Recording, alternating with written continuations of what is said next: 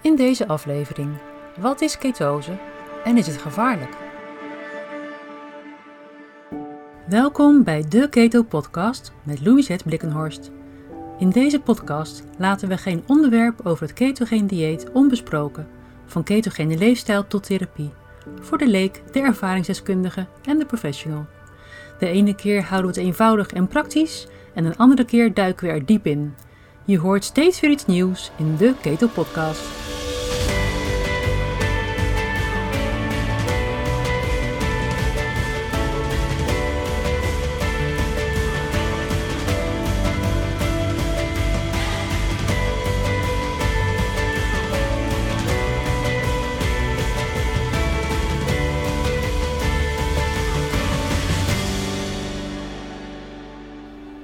Aflevering neem ik je steeds verder mee in de wonderenwereld van ketogene diëten, ketonen, ketose en alles wat daarmee te maken heeft. Vandaag ga ik het met je hebben over ketose, want ketose, dat is waar het om draait als je ketogeen gaat eten. Ik maak er een uh, pittiger les van, ik ga wat flink de diepte in, dus als je het interessant vindt om veel te leren over dit onderwerp, blijf dan vooral luisteren. Heb je er nog weinig kennis over, maar wil je er wel meer over weten? Luister hier dan vooral ook zeker naar. Je steekt er altijd weer wat van op en zo verzamel je steeds weer wat puzzelstukjes die het plaatje completer maken. Vragen waar ik een antwoord op ga geven vandaag zijn: wat is ketose? Is het gezond en veilig om in ketose te zijn of is het gevaarlijk? Welke stadia van ketose zijn er? Hoe werkt het in je lichaam? Hoe diep moet je in ketose zijn en hoe lang moet je dat volhouden?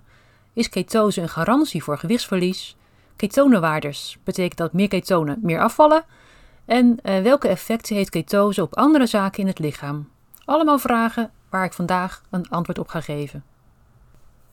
Ten eerste, wat is ketose? Nou, heel basic gezegd is dat het moment waarop er ketonen meetbaar zijn in het bloed. En die kun je meten in urine, in bloed of in de adem. Ik meet het liefste ketonen in het bloed. Zodra de ketonenwaardes daar boven de 0,5 millimol per liter komen, dan spreken we van nutritionele ketose of voedingsketose. Dus als iemand zegt in ketose te zijn, dan wordt er bedoeld dat er tenminste 0,5 millimol per liter aan ketonen in het bloed gemeten is. Dat is de simpelste manier van ketose te beschrijven.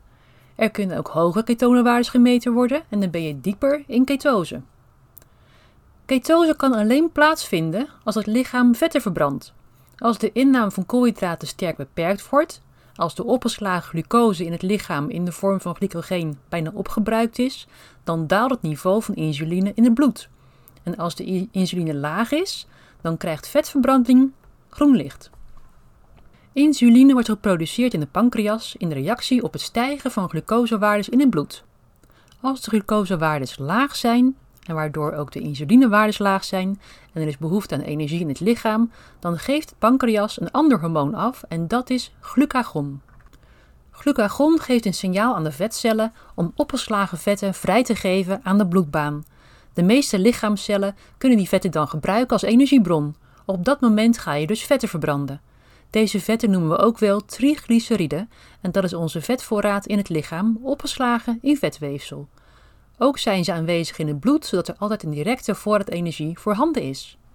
Je hebt misschien wel eens gehoord dat er bij bloedonderzoek ook triglyceridewaardes bepaald worden.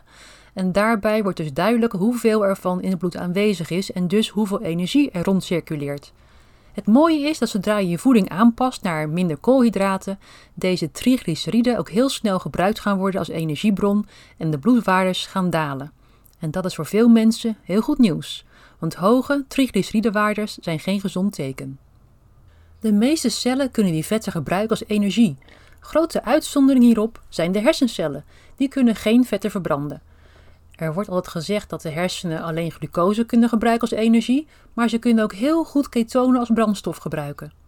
Om bij lage bloedglucose toch de hersenen te kunnen voorzien van energie, hebben we het unieke mechanisme van ketose. Ik zal proberen om kort uit te leggen hoe dat werkt. Onder invloed van glucagon gaat de lever ketonen produceren. Dat proces wordt ketogenese genoemd. Ketogenese vindt voortdurend plaats. Het is iets wat de lever eigenlijk altijd kan en doet. De snelheid van ketogenese en de mate van ketose hangen af van de hoeveelheid koolhydraten in de voeding en hoeveel glucose het lichaam zelf produceert door gluconeogenese. Dat is het lichaams-eigen proces van aanmaak van glucose. Ketogenese en ketose worden stabieler naarmate je stofwisseling zich meer aanpast aan de vetverbranding en ketonen. In het begin kan een ietsje meer koolhydraten eten al zorgen voor het einde van ketose en later zul je merken dat het niet zo snel meer gebeurt. Als glucose de hoofdenergiebron is, dan is de ketogenese laag en zal de concentratie ketonen in het bloed maximaal 0,1 of 0,2 zijn, maar het zal zelden boven de 0,3 zijn. Dan zijn de ketonenniveaus te laag om een rol te kunnen spelen in de energiehuishouding of voor andere gezondheidseffecten. Het is mogelijk dat bij een gezond persoon die overdag toch flink wat koolhydraten eet, na een nacht vasten van zo'n 10 tot 12 uur, toch een concentratie ketonen wordt gemeten van 0,3. Maar als die persoon dan gaat ontbijten met een boterham of muesli of andere koolhydraten, dan stijgen de glucose en insulinewaardes weer en stopt de ketose. De snelheid van ketogenese hangt ook samen met hoe gevoelig iemand is voor insuline. Wanneer iemand meer, in meer of mindere mate uh, resistent is voor insuline, dan heeft het ook gevolgen voor de ketogenese. Die kan hierdoor vertraagd worden. Ook een zeer hoge inname van eiwitten kan ervoor zorgen dat ketogenese op een laag pitje komt te staan. Het overschot aan eiwitten wordt dan gebruikt om er glucose van te maken. Hierdoor stijgt glucose en stijgt insuline en dat remt de vetverbranding en de ketogenese. Dan is er geen ketose. Maar als je dus weinig koolhydraten eet, niet overdreven veel eiwitten eet en je eigen voorraad glucose is op, dan start de vetverbranding. De lever zet dan de ketogenese in een standje hoger en produceert meer ketonen. Ketonen zijn organische verbindingen gemaakt door voornamelijk de lever. Ze kunnen ook op andere plaatsen in het lichaam gevormd worden, zoals in de nieren en de darmen, maar ketogenese vindt dus voornamelijk plaats in de lever. Om ketonen te kunnen maken heeft de lever vetten nodig. En die vetten kunnen uit voeding komen of uit de eigen vetvoorraad. Dus als je ketonen meet, dan weet je in ieder geval zeker dat je vetten aan het verbranden bent. De lever kan overigens zelf geen ketonen gebruiken als energiebron, omdat het daar de juiste enzymen niet voor heeft, maar de levercellen gebruiken voornamelijk glucose. Die ketonen zijn een bron van energie voor cellen die de mogelijkheid hebben om ze te kunnen verbranden. De hersencellen kunnen dat heel goed en daarom merk je in het hoofd als eerste dat er ketonen in omloop zijn. Je wordt scherper, je geheugen wordt beter, je kunt je beter concentreren en je voelt dat je stemming beter en stabieler wordt. Dat zijn tekenen dat je hersenen meer energie hebben gekregen uit die ketonen. Ik hoor zulke berichten ook altijd van mensen die in ketose zijn gekomen, dat ze ineens zoveel meer energie in hun hoofd hebben. Niet alle cellen in het lichaam kunnen ketonen gebruiken voor energie, of ze moeten dat nog leren. Die hebben de voorkeur voor vetten en laten de ketonen passeren. Het brein heeft voorrang wat ketonen betreft. Het is wel zo dat op den duur hier veranderingen in komen. Lichaamcellen zullen zich moeten aanpassen aan het gebruik van vetten en ketonen. En dit noemen we vetadaptatie en ketoadaptatie. Daarom is het noodzakelijk om in het begin langere tijd in ketose te blijven en zo kan het lichaam wennen aan deze extra energiebron. Na drie weken zijn de eerste aanpassingen er al. Maar wil je echt goed keto-adapted worden, dan zal je ervan uit moeten gaan dat je een periode van drie maanden lang in ketose moet blijven. Hierbij is het niet nodig om heel hoog in ketone te scoren. Lichte tot matige nutritionele ketose is voor de meeste mensen al voldoende. Het proces van ketogenese en ketose, wat ik net besproken heb, is een volstrekt natuurlijke metabole staat. Zoals ik eerder al zei, in het lichaam worden eigenlijk altijd een klein beetje ketonen gemaakt. Het enige wat we doen is dat proces in een hogere versnelling brengen door anders te gaan eten. En waarom je dat zou willen doen, dat kun je terugluisteren in aflevering 2 van de Keto Podcast. Ik krijg vaak de vraag: is ketose gezond en veilig? Mijn antwoord daarop is altijd volmondig ja. Als je een gezonde manier van ketogeen uh, dieet gaat volgen, dan kan je voor langere tijd in ketose blijven en daar heel veel voordelen van ervaren. Luister naar aflevering 3 als je daar meer over wilt weten. Ketose is veilig zolang de pancreas in staat is om insuline te produceren. Dat klinkt misschien gek, want net hebben we ontdekt dat insuline laag moet zijn om uh, naar de vetten en ketonen te kunnen overschakelen. Maar in het hele mechanisme zit een veiligheidsknop, een soort feedback loop, wat ervoor zorgt dat er niet te veel ketonen gemaakt kunnen worden. De ketonen zelf kunnen zorgen voor een beetje insulineafgifte, waarmee ze zichzelf afremmen. Als je veel te veel ketonen maakt, waarbij de waardes boven de 10 tot wel 20 kunnen komen, dan is dit ketoacidose. Dit komt eigenlijk alleen maar voor bij mensen met diabetes type 1 die geen of nauwelijks nog insuline hebben om de ketogenese te reguleren. Ketoacidose is gevaarlijk en kan zelfs levensbedreigend zijn. Maar iedereen zonder diabetes type 1 hoeft hier niet bang voor te zijn. Betekent dit dan dat je met diabetes type 1 niet ketogeen mag gaan eten? Nou, het kan wel. En ook zeker zijn daar veel positieve dingen over te zeggen. Maar voorzichtigheid en begeleiding is belangrijk. Over dit onderwerp ga ik nog een keer een aparte aflevering maken. We hebben nu een paar stadia van ketose al voorbij horen komen. En dit zijn de verschillende stadia die we nu kennen.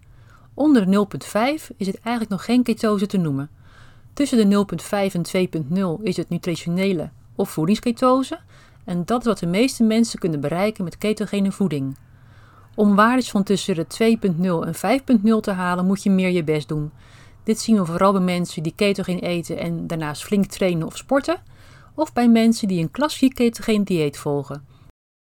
Dit betekent een strikte koolhydraatbeperking van onder de 20 gram, het bevat veel meer vet en wordt vooral toegepast bij neurologische ziektebeelden.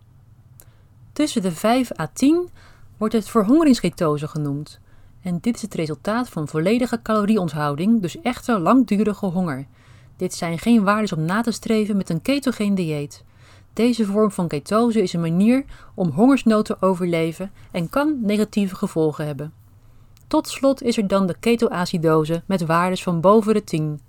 Door een gezond ketogeen dieet te volgen zal een mens met een gezonde pancreas nooit in deze extreem hoge waardes terechtkomen. Naast diabetes type 1 kunnen ook andere triggers zorgen voor te hoge ketonewaardes. Dit zijn bijvoorbeeld alcoholisme, drugsgebruik, ondervoeding, ook als gevolg van een eetstoornis, ernstige uitdroging en acute ziektes zoals sepsis, pancreatitis en rondom een hartinfarct. Ga in zulke situaties nooit experimenteren met een ketogeen dieet. Eerst moeten er andere stappen gezet worden. Raadpleeg hiervoor een arts of een keto professional. Ik hoop niet dat ik het te ingewikkeld gemaakt heb, want die neiging die heb ik nog wel eens.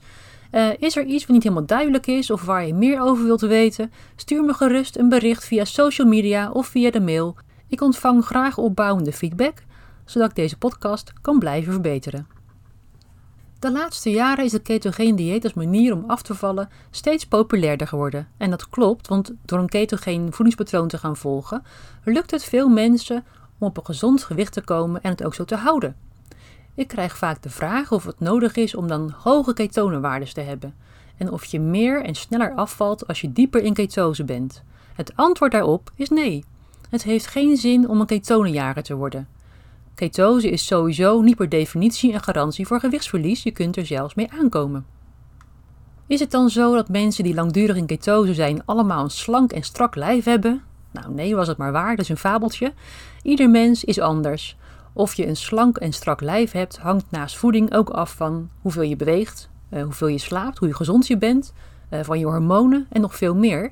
Maar de meeste mensen die je ken en die ketogeen zijn gaan eten, noemen allemaal grote verbeteringen op verschillende punten die ze hebben gemerkt sinds ze keto doen. Aan ketonenwaardes kun je eigenlijk niet zien hoeveel vetten je aan het verbranden bent of uit welk vaatje je aan het tappen bent. Je kunt niet zien of je ketonenwaarden zo hoog zijn doordat je bepaalde vetten uit je voeding verbrandt of omdat je vetten uit je eigen vetvezel aan het gebruiken bent. Hoge ketonenwaardes kunnen er zelfs voor zorgen dat je minder snel vetten verbrandt. En dat komt door die veiligheidsknop die ik eerder al noemde. Ik zie wel eens mensen op social media die een egg fast doen, waarbij ze alleen eieren, kaas en vet eten gedurende vijf dagen. Nou, is dat nou nodig om extra af te vallen? Naar mijn mening niet. In die dagen verbrand je dan wel lekker vetten, maar je eet er ook veel van.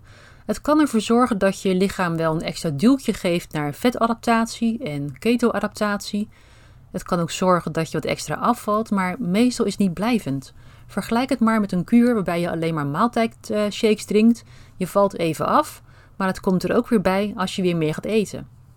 De meeste winst zit in het volgen van een gezonde leefstijl waarbij je koolhydraten beperkt en regelmatig in en uit ketose gaat. Net als bij andere dieetmethodes om gewicht te verliezen, komt het bij ketogene dieet uiteindelijk ook neer op uh, caloriebeperking. Dat is gelukkig heel makkelijk bij keto, want doordat je je beter en langer verzadigd voelt door de extra vetten en gezonde voedingsstoffen, eet je ook automatisch minder dan je eerst deed. En door de ketonen heb je lekker veel energie, waardoor je ook minder aan eten denkt. Hierdoor leer je voelen wat je lichaam nodig heeft aan voedingsinname en kom je op een gezonder gewicht. En daarbij is het zo dat als je minder koolhydraten eet en lagere insulinewaardes hebt, dat je niet alleen minder eet, maar ook eerder je eigen vetvoorraad verbrandt. Daar zit een groot deel van hoe een ketogeen dieet werkt voor gewichtsverlies.